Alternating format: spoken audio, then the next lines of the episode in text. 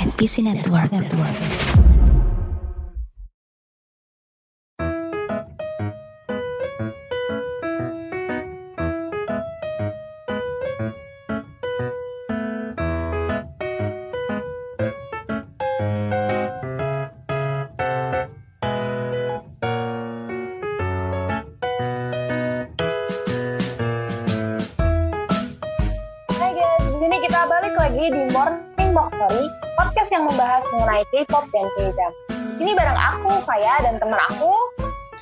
Ocha. Jadi di hari ini kita mau membicarakan mengenai K-drama. Nah, kira-kira kita mau bicarain K-drama apa nih, Kak? K-drama yang masih anget nih termasuknya karena baru li- baru rilis Desember kemarin tahun 2021 Wah, mantap. Eh, drama Netflix. Kayaknya kebanyakan pasti pada pernah denger atau bahkan mungkin udah nonton. Karena ini drama lumayan rame diomongin orang-orang, apalagi yang main terkenal juga. Judulnya The Silent Sea. kalau dengar judulnya, orang-orang pasti bakalan berpikir drama ini tuh drama tentang laut. Ya kan, Cak? Tapi sebetulnya Iya. ini buta- bukan sama eh, bukan drama tentang laut, bukan nggak berkaitan sama laut sih. Cuman drama ini tuh sama sekali eh, bukan tentang laut seperti yang akan kita bayangkan. Jadi gimana nih, Cak? Ini dramanya tentang apa? Gimana sinopsisnya? Jadi drama ini tuh ceritanya tuh tentang bumi di tahun 2075. Jadi bukan tahun sekarang 2022 atau 2021, tapi tahun 2075. Jadi itu masa depan gitulah. Ya, ceritanya pas di tahun itu bumi itu tuh kondisinya tuh lagi kekurangan makanan sama air. Lautnya tuh bener-bener kering, kerontang, nggak ada air sama sekali, bahkan nggak ada hujan juga. Jadi mereka tuh buat air bersih itu tuh rebutan sampai kayak ada kasta-kastanya gitu kelas A dapat airnya kayak gimana, kelas B dapat airnya kayak gimana gitu-gitu. Dan nggak ada air jernih sama sekali ceritanya ya tahun 2075 itu. Nah gara-gara itu karena mereka kekurangan air dan makanan, akhirnya ada sebuah tim yang ditugasin buat ngambil sampel di stasiun penelitian gitu. Nah, stasiun penelitiannya ini ada di bulan. Jadi ini tuh lebih menceritakan tentang sebuah tim yang melakukan perjalanan ke bulan dan menjalankan misi gitu. Jadi nggak ada lautnya sama sekali. Karena latarnya ini tuh ya di bulan, bukan di laut. Itu sih kalau sinopsisnya intinya tuh ya tentang itu aja. Kalau misalnya secara ringkat, secara singkatnya itu cuma sebenarnya nggak singkat-singkat banget sih karena meskipun drama ini tuh cuma 8 episode, tapi ini tuh lumayan kompleks banget ceritanya. Ya kira-kira gitu lah ya kalau singkatnya. Kalau misalnya kayak kebanyakan sinopsisnya nanti berujung spoiler. Itu buat spoilernya nanti aja ya. Nah, ini sekarang mau bahas pemainnya dulu nih. The Silence itu pemainnya lumayan terkenal yaitu Ajusi kesayangan kita semua Gong Yoo. Wah, siapa sih yang nggak kenal sama Ahju si Gongyo? Oh my god. Terus lanjut, lanjut, lanjut. Nah, terus ada juga eh, tokoh lainnya tuh Beduna. Beduna ini lumayan terkenal banget apalagi buat pecinta K-drama yang nonton Secret Forest pasti tahu kan dia gimana. Terus wah aktingnya nggak usah diragukan lagi lah. Dan mereka tuh lumayan lah terkenal dua-duanya terkenal banget. Terus ada eh, pemain lainnya Kim Sun Young, Lee Jun, Lee Museng. Lee Museng tuh aku tahu dia gara-gara Designated Survivor sih. Terus ada Lee Sunguk, John Sungon dan masih banyak yang lain yang mukanya tuh nggak asing semua gitu loh kayak Ya. emang case-nya tuh udah pada udah pada terkenal gitu dan Bener banget. mukanya sering muncul di kayak drama atau kayak film. Bahkan waktu aku pertama, aku kan udah nonton juga ya. Waktu aku nonton tuh aku kayak malah eh, di awal-awal tuh sibuk mikir ini aktor ini pernah aku lihat di mana ya, pernah muncul di mana karena emang semuanya udah apa ya, udah bukan main di satu dua drama aja gitu, emang banyak gitu. Kayak Kim Sun Young kan itu dia sempet main di Repli di Repli apa ya? Di, yang aku tonton aku nonton Repli 88 terus nemu juga di Housefly gitu. Jadi emang dan pemain-pemain lainnya juga Kamu nonton drama ini tuh karena apa, Fai, awalnya? eh, sebenarnya awalnya aku nonton itu tuh kayak kepo aja sih kayak pernah sempet beberapa kali lewat tuh kan di timeline karena orang-orang ada yang ngomongin nih The Silent Sea. Terus ketika aku baca uh, baca sinopsisnya, terus lihat trailernya, cocok. Dan kebetulan ini kan series Netflix ya. Terus kalau series Koreanya Netflix itu tuh cukup pendek. Jadi waktu itu tuh karena gabut aja namanya uh, anak gabut kan ya weekend di rumah, enggak di rumah masih di kos. Terus nggak ada kegiatan. Jadi ya udah aku coba tonton maraton dan surprisingly cukup menarik gitu lah buat aku. Kalau menurutmu sendiri kira-kira uh, kasih nilai berapa nih buat series ini? Berapa ya? Kalau dari aku sendiri dari berapa nih? Dari 5 atau mau dari 10? Dari 5 aja yang nggak usah banyak-banyak. Uh, hmm. Kalau dari 5 aku kasih mungkin sekitar 4,2 lah. Hmm, boleh, boleh, boleh. Kenapa aku kasih 4,2? Secara apa ya? Secara eksekusi, secara plot cerita aku suka. Tapi ketika lihat endingnya tuh, aku ngerasa nggak puas gitu Gimana kalau menurut kamu? Kalau aku sih ya 4 per 5 lah ya. Ya sama sih. Uh, ngeganjel di ending juga. Iya kan? Iya. Biasa lah drama Netflix tuh pasti endingnya agak gimana gitu. Iya kan? Dari, dari semua hampir ya mungkin ini ini spoiler nggak sih? Enggak lah ya. Uh, mungkin dari sebagian hampir semua drama Netflix yang udah aku tonton jarang yang memberikan ending cukup memuaskan. Ternyata tuh endingnya tuh bikin apa ya kayak mau bikin gantung tapi justru di situ tuh bikin kita kayak merasa kurang gitu kayak uh, anti klimaks gitu aku ngerasanya malah dengan ending kayak gitu berharap harus ada season 2 nya sih karena emang beberapa konflik tuh belum selesai. Kalau aku sendiri tuh apa namanya ngerasa nonton drama itu ya ampun deg-degan banget sih pas nonton. Betul. karena banyak banget apa ya adegan-adegan yang bikin kaget gitu. Walaupun udah tahu udah tahu adegan itu bakal kejadian tapi pas kejadian beneran kaget juga. Kalau dari aku sendiri sih waktu nonton drama ini tuh uh, karena ini trailer ya biasanya kan dan bener-bener apa ya kagetnya tuh bikin kaget gitu.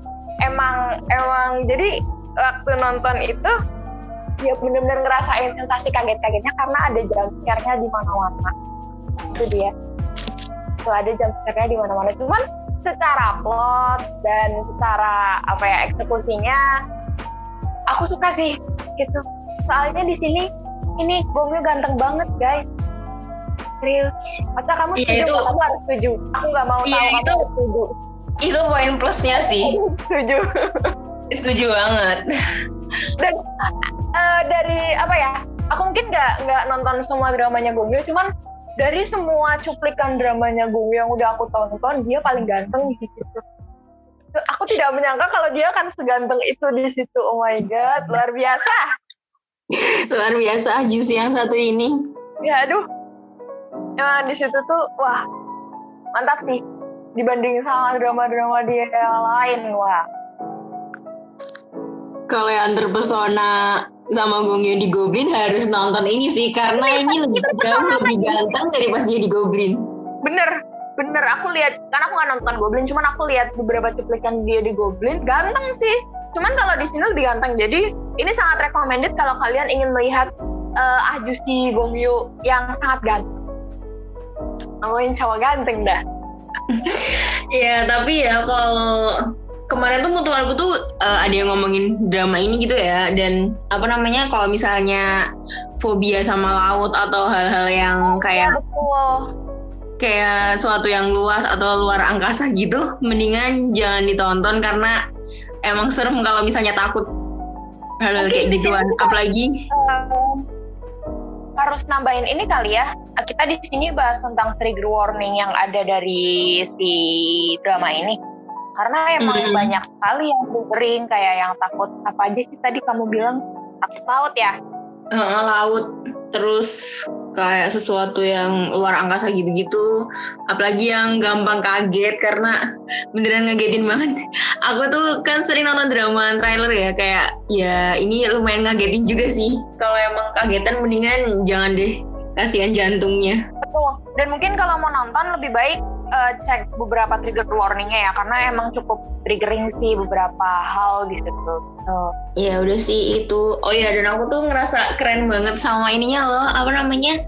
Mereka kan latarnya di bulan ya itu kelihatan kayak nyata banget. Kalau menurutku gitu loh. Maksudnya buat ukuran drama itu keren banget serius. Kayak bener-bener di bulan gitu. Apalagi peralatan mereka yang pakai baju apa sih itu namanya? Yang kayak baju astronot gitu? Keren sih totalitas banget.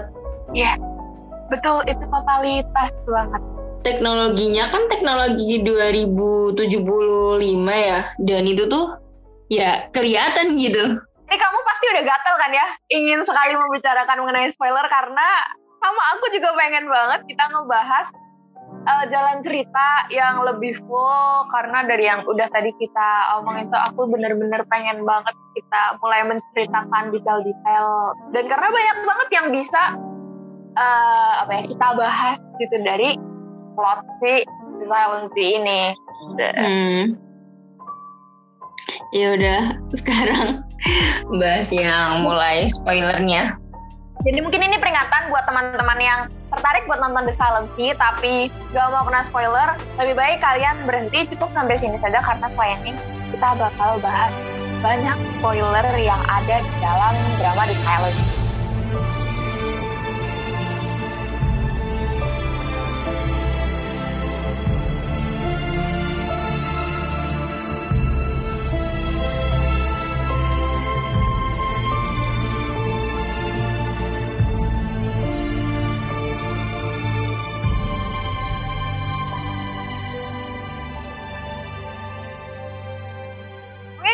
udah sebut-sebut ending, tapi kita cuma sebut endingnya tuh kurang memuaskan, kurang stressful. Mungkin di sini kita lebih mendetailkan lagi kali ya gimana ending dari si The Silent Sea ini. Jujur sebenarnya tuh aku tuh bingung banget apakah si kaptennya itu tuh meninggal atau enggak.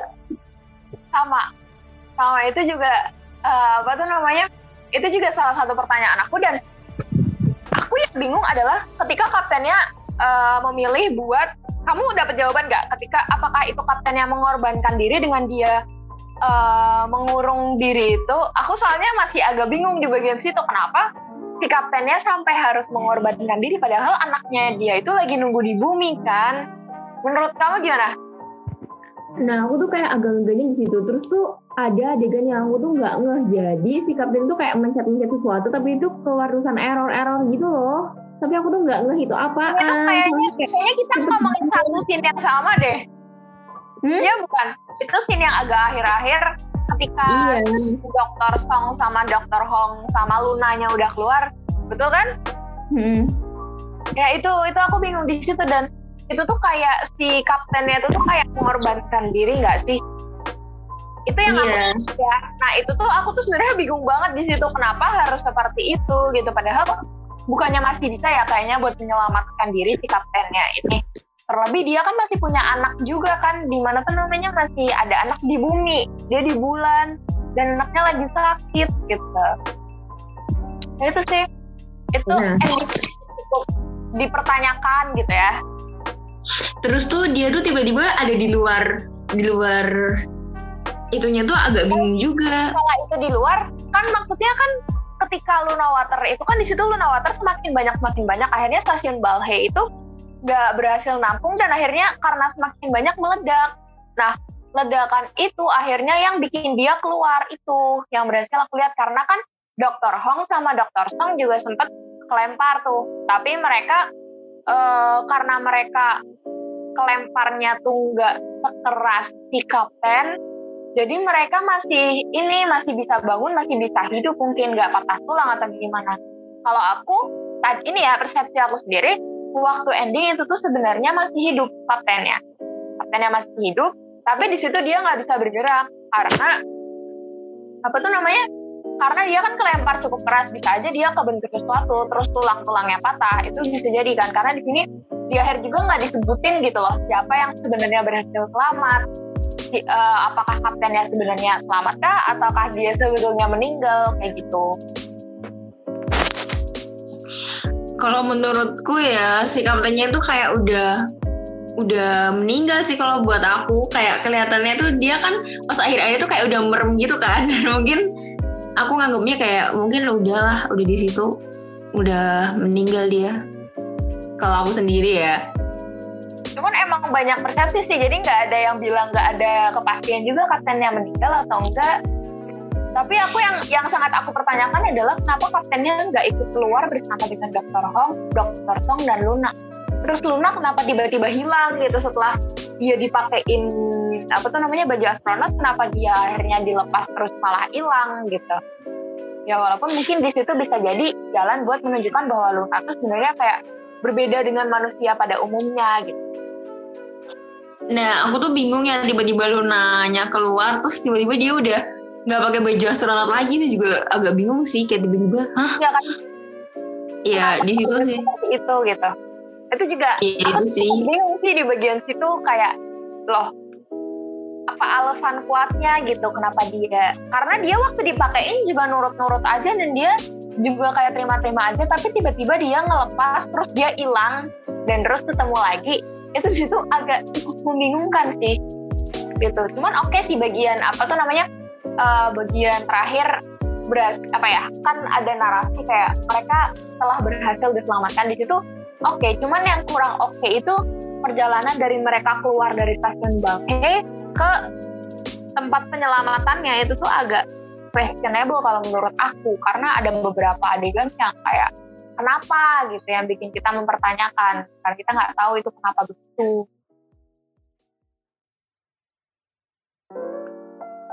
Iya sih.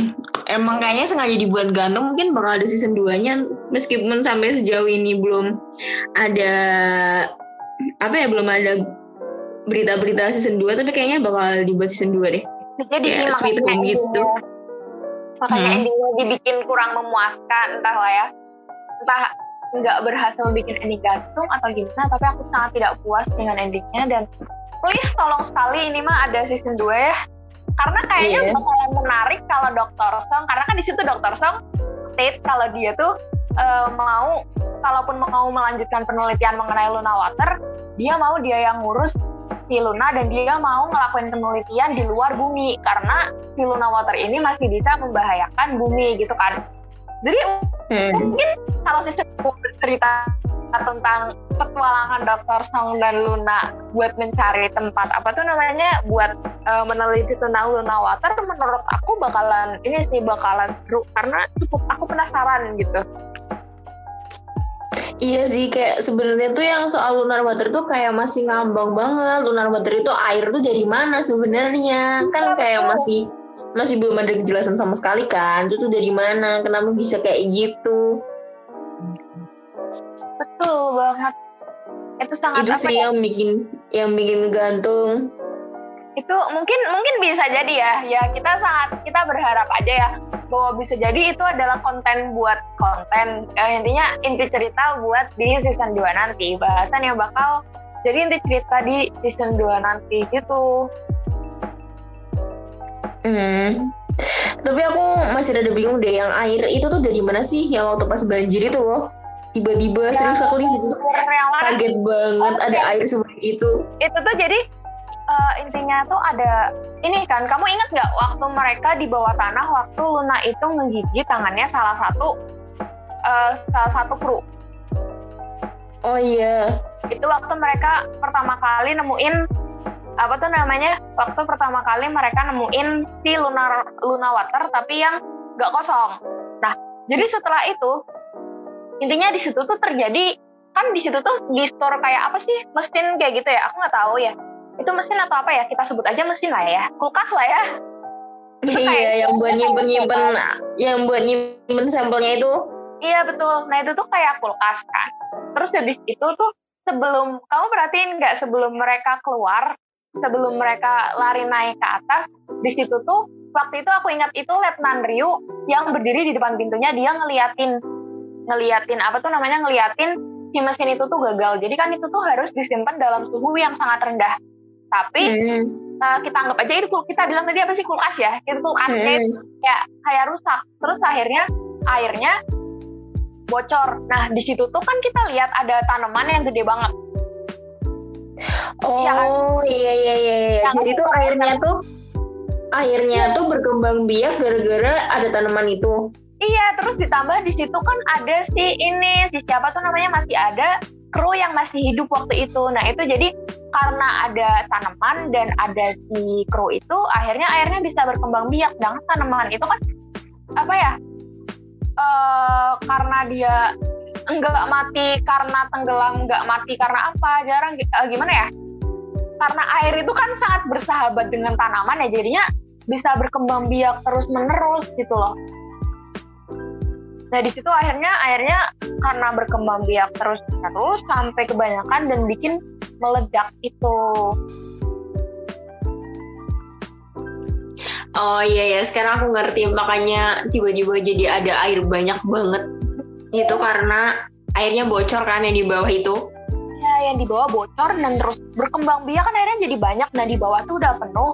Terus akhirnya eh, jadi ke mana-mana airnya dan gak bisa ketampung lagi. Akhirnya meledak. Luar begitu. Iya sih. Tapi itu keren banget ya bisa kepikiran soal air yang berkembang biak itu tuh idenya wow banget sih. Aku pas pertama kali lihat yang eh siapa itu yang pertama kali terinfeksi. Sultan Nah iya itu tuh agak kaget juga kan karena tiba-tiba muntah air itu bener-bener apaan ini? Kenapa tiba-tiba kayak gini? Dan apa ya bener-bener nggak kebayang gitu kalau bahwa ternyata di sini yang mereka apa ya permasalahannya itu adalah air air yang air gimana mereka tenggelam tapi dari dalam gitu bukan tenggelam di kolam atau gimana ternyata gitu. Kan waktu awal-awal tuh ada tuh eh, mayat yang ditemukan terus tuh di- dibilangnya mati tenggelam kan kirain aku tuh bakal ada air yang datang dari mana gitu ternyata airnya datangnya dari Karena tubuh itu dari tubuh itu sendiri. the silent sea ya. Jadi kayak ekspektasinya wah ini tenggelam bakalan jadi kayak di lautan di bulan jadi ada lautan gitu. Ternyata iya dari aku tuh mikirnya juga kayak gitu kan. Kan? di bulan ada laut apa gimana? Ternyata tertipu. Tertipu karena The Silent Sea kalau berdasarkan si kakaknya Song Jian. Siapa yang namanya ya? Song Song siapa deh aku lupa karena berdasarkan kata dia eh, itu tuh apa tuh namanya? Itu tuh adalah bagian hitam dari bulan ya? Mm-mm. masalah itu dia ternyata The Silent Sea itu dari situ setelah nonton barulah oh ternyata The Silent Sea ini kenapa di bulan? Ini kayak aneh gitu ya namanya. Si tapi kok eh, latarnya di bulan gitu. Karena bulan kan ada di langit si ada di bawah gitu di bumi ternyata maknanya beda. Bener banget. Bukan bukan laut literally laut tapi karena ini juga kan apa tuh namanya? Aku pikir aku pikir awalnya malah tentang cita-cita mereka yang mau mengembalikan laut yang udah kering kerontang. Laut yang udah tapi tapi itu juga sih itu juga kenapa si eh, kakaknya namanya Son Song Won Kyung itu tuh Oke, ya bener Song Kyung mau eh mau ikut di eksperimen itu bahkan jadi ketuanya karena dia cita-citanya ingin ngembalin laut dan nunjukin laut itu ke adiknya ke Song Jiannya tapi gimana ya kalau aku sendiri sih agak kurang setuju sama penelitian tentang air lunar itu. Karena kan subjeknya penelitiannya manusia gitu loh. Karena di sini kita tahu gitu air eh, Luna Water ini berbahaya iya dan subjek penelitiannya manusia kayak itu kan ada Yang berapa sih 70 lebih ya itu yang berhasil Luna 73 Ya, iya Luna 73. Eh, dan ini aku penasaran deh. Ini dia itu anaknya direkturnya bukan sih? Hah? Iya nggak? Eh, pokoknya ada di, aku nggak tahu ya. Aku lupa, aku lupa nge-back ke bagian itu. Tapi di situ tuh ada disorot foto di mana si direktur yang di bumi itu loh siapa ya? Direktur Choi gitu aku lupa namanya. Iya. Itu Iya, ada foto direktur itu sama anak anaknya. itu sekilas Iya. doang kan kayak bentar doang. Nah, berarti siapa dia dan bagaimana apa ya? eh, bagaimana dia bisa punya cloningan banyak? Kenapa dia punya cloningan yang banyak gitu? Itu juga salah satu pertanyaan aku sih, gitu. Iya, pertanyaannya sampai akhir pun nggak kejawab. Itu mereka datangnya dari mana? Anak-anak itu ada Luna satu, Luna dua itu dari mana? Cuma Kalau Luna Luna yang ter ini tuh oke lah. Itu kita tahu maksudnya itu karena cloningan karena disebutkan di situ bahwa eh, apa tuh namanya? Bahwa penelitian tersebut tuh melanggar etika karena mereka melakukan cloning terhadap manusia. Dari situ habis itu itu oke lah understandable kenapa di situ ada banyak Luna Luna satu sampai Luna 73 tapi yang eh, yang di sini aku pertanyakan Induknya. sosok, sosok Luna ini tuh sosok siapa itu dia sosok Luna itu sosok siapa dan Mungkin karena aja Luna itu beneran anaknya direkturnya itu. Kenapa sih direkturnya setuju buat penelitian itu? eh, kalau aku ini ya aku tuh tadinya mikirnya gini bahwa si Luna ini tuh sebetulnya si apa tuh namanya eh, antara itu anaknya atau sampai bisa foto bareng itu tuh karena dia sangat di apa ya istilahnya kayak dihormati. Udah dihormati kayak apa ya si si dokter Choi-nya ini tuh kayak intinya seseorang yang penting sampai makanya diajak foto itu bisa jadi sih. Jadi antara anaknya atau cuman orang penting yang bersedia membantu kelangsungan eh, ininya kelangsungan apanya tuh namanya kelangsungan si research research ini gitu. Banyak sih kayak wah karena ketika nonton tuh berpikir menebak-nebak dia siapa dari mana gitu. Atau bisa juga gini itu tuh sebenarnya anaknya tapi kan maksud si direktur Choi itu dia tahu bahwa penelitiannya gagal terus jadi anaknya seperti sekarang bentukannya akhirnya dia nggak mau melihat anaknya lagi jadi dia dia makanya dia bener-bener menolak percaya ketika dibilang bahwa ada survivor Nah itu juga bisa jadi sih kayak banyak kemungkinan karena emang ya nggak ada jawabannya. Ya kita Iya. cuma bisa nebak-nebak doang. betul aduh ini kayaknya kalau ada bener apa ya karena kita punya banyak pertanyaan seperti ini bagus deh kalau dijadiin ada S2 nya banyak apa ya bisa menjawab pertanyaan-pertanyaan yang yang menurut aku banyak terpikirkan juga sama mereka-mereka yang nonton Mm-mm, pastinya pada nanya juga sih. Kalau kemarin tuh aku sempet ngobrol sama mutual aku juga kan yang emang nonton ini dan dia tuh penasaran gimana kehidupan eh, apa namanya manusianya. Apakah si sampelnya itu sampel airnya itu berhasil dibawa ke bumi ataukah enggak atau justru malahan gagal sampelnya dibawa ke bumi jadi kayak penasaran manusia di bumi akhirnya gimana? Apakah tetap nggak punya air atau gimana gitu loh. Nah itu ya juga kan? jadi pertanyaan juga sih. Itu tadi kan sempat kita pertanyakan kan tentang kelanjutan penelitian si Luna Water ini sama si Lunanya Mm-mm. gitu. Hmm, kayaknya aku yang yang betul-betul kepo itu sih karena kan si siapa tuh namanya? Si dokter sang ini kan sempat sempat bilang aku nggak akan menyerahkan ini eh, untuk dibawa ke bumi bahkan dia sempat mau kabur gitu. Cuman gimana caranya kabur dari bulan ke planet lain gitu? Mereka itu bukan ada di luar kota di luar negeri tapi di luar angkasa. Mungkin dong mereka terbang gitu hilang nanti di tengah jalan. Iya, terus juga kan kayak nggak ada alat komunikasi nggak sih yang bisa berkomunikasi di situ aja? Cuma si kaptennya doang. Itu aja komunikasinya ke direktur Choi kan sama ke itu siapa tuh namanya? Dia bahkan komunikasi asistennya direktur Choi. dia setelah kelu setelah keluar dia ada nggak sih port komunikasi portable? Aku lupa deh. Kalau ini singkat aku dia komunikasi ke bumi pun harus lewat satelit yang ada di dalam stasiun gitu loh. Iya kan? Kayak nggak ada kecuali kayak punya eh, apa sih komunikasi yang Pak, iya Di- itu yang dibawa sama Letnan Ryu. Mm-mm. Itu jadinya bukannya dibawa eh itu jadinya dibawa sama kaptennya kan ya buat ngehubungin si asistennya ini si asisten si asistennya direktur Choi. Iya. Nah itu. Dan ini sih apa tuh namanya kamu nyangka nggak bahwa sebenarnya ternyata di situ bukan cuman ada satu pengkhianat aku udah mikir bakal ada si pengkhianat lain sih tapi nggak nyangka kalau itu tuh Letnan Ryu kayak dia tuh ya ampun. Nggak kelihatan kayak dia tuh bener-bener kelihatan care peduli sama yang lain. Ternyata. Ternyata justru oh my god dan shocking fact-nya lagi adalah eh, bahwa si Letnan Ryu ini adalah salah satu yang selamat dari tragedi lima tahun yang lalu. Dan ternyata tragedinya itu tuh penipuan pemerintah itu sih yang bikin aku kaget. Bener-bener kayak ternyata kalau misalnya kirain aku tuh kayak cuma pemalsuan kematian doang. Kayak eh, tadi kan di awal kan ada mayat ditemukan mati meninggal. Kirain tuh kayak pemalsuan kematian doang. Sebenarnya meninggal karena tenggelam tapi dibilanginnya meninggal karena terpapar radiasi kan tapi nyataannya justru pemerintah yang bikin mereka mati Bentar, itu tuh kenapa kamu bilang pemerintah bikin mereka mati?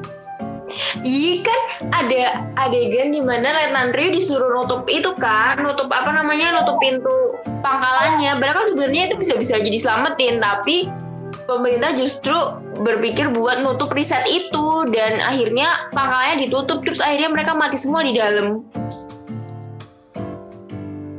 Kamu ingat gak sih episode berapa ya itu? Ya, itu itu episode agak akhir sih kalau nggak tujuh delapan. Aku ingat itunya, cuman aku lupa bagian di mana kenapa pemerintah yang ngebunuh. Soalnya aku tuh tadinya nangkepnya bahwa eh, mereka kayak gitu tuh karena udah darurat, airnya udah nggak bisa dikendaliin, kan? Akhirnya beberapa orang yang punya privilege dan tahu itu mereka bisa ngambil peralatan, mereka bisa kabur gitu loh kalau yang aku tangkap tadinya. Jadi Enggak, kalau misalnya emang bener-bener apa namanya semua yang punya privilege harusnya ketua yang riset itu bisa kabur dong si kakaknya Sembian. oh iya Karena karena dia enggak malah ditutup. Oh, oke, make sense kenapa Letnan Rio akhirnya berpikir bahwa apa tuh namanya kalian tuh nggak tahu loh riset apa yang terjadi di sini kalian tuh nggak tahu bahwa ini bukan sesuatu yang baik. Oke, understandable. Dan aku bingungnya kenapa dia kan berkhianat nih. Berkhianat tuh sama sama siapa ya? Aku lupa. Ingat nggak berkhianat sama siapa? Nah itu dia berkhianatnya. Aku kepo deh kamu menurut kamu tujuannya apa? Karena aku sempat apa ya? Nggak sempat sih. Aku ya sekarang tuh agak lupa tentang alasan si Letnan Ryu ini berkhianat. Kayak gitu Letnan Rio tuh udah udah tahu risetnya tuh tentang apa gitu loh tentang manusia-manusia gitu. Jadinya tuh Iya. kayak kalau menurut ini menurut pandangan aku aja ya selama menonton aku tuh ngerasanya dia tuh nggak setuju sama risetnya terus akhirnya dia berkhianat gitu loh. Karena nggak setuju kalau uh, airnya tuh dibawa ke bumi apa ya makanya dia akhirnya ngasih ke orang lain kayaknya. Nah, eh nggak tahu kan sih itu air tuh mau dikasih ke siapa sebenarnya. Itu mah air kan mau dikasihin ke pengkhianatnya. Karena kalau misalkan dia nggak setuju sama penelitian itu harusnya sekalian aja dihancurin semuanya. Tapi kenapa dia malah kasihin ke orang lain? Itu dia. Mungkin dia terlanjur marah sama pemerintah kali. Nggak ngerti juga sih aku.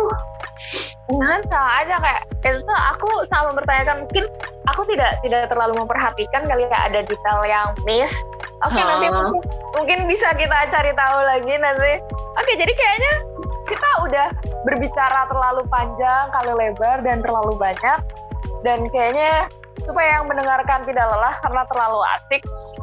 Kita cukup sampai segini. Atau kamu masih ada yang mau ceritain lagi? Udah kan? Udah? Atau udah sih kayaknya itu aja. Terlalu banyak pertanyaan. Nanti lama-lama. Bener. Akhirnya ketika kita ngebahas malah semakin banyak pertanyaan yang muncul dan bakalan semakin panjang. Jadi lebih baik kita sudah di sini dan kita lanjutkan nanti di luar. Oke? Oke oke jadi sekian teman-teman. Terima kasih buat semua yang sudah setia mendengarkan Morning Walk Story sampai episode ke berapa nih? Kelima ya? Hmm. Sampai episode kelima. Terima kasih. Sekian dari aku Faya dan teman aku. Ocha. Sampai jumpa. Terima kasih. Terima kasih. Dadah. Boom. Dah guys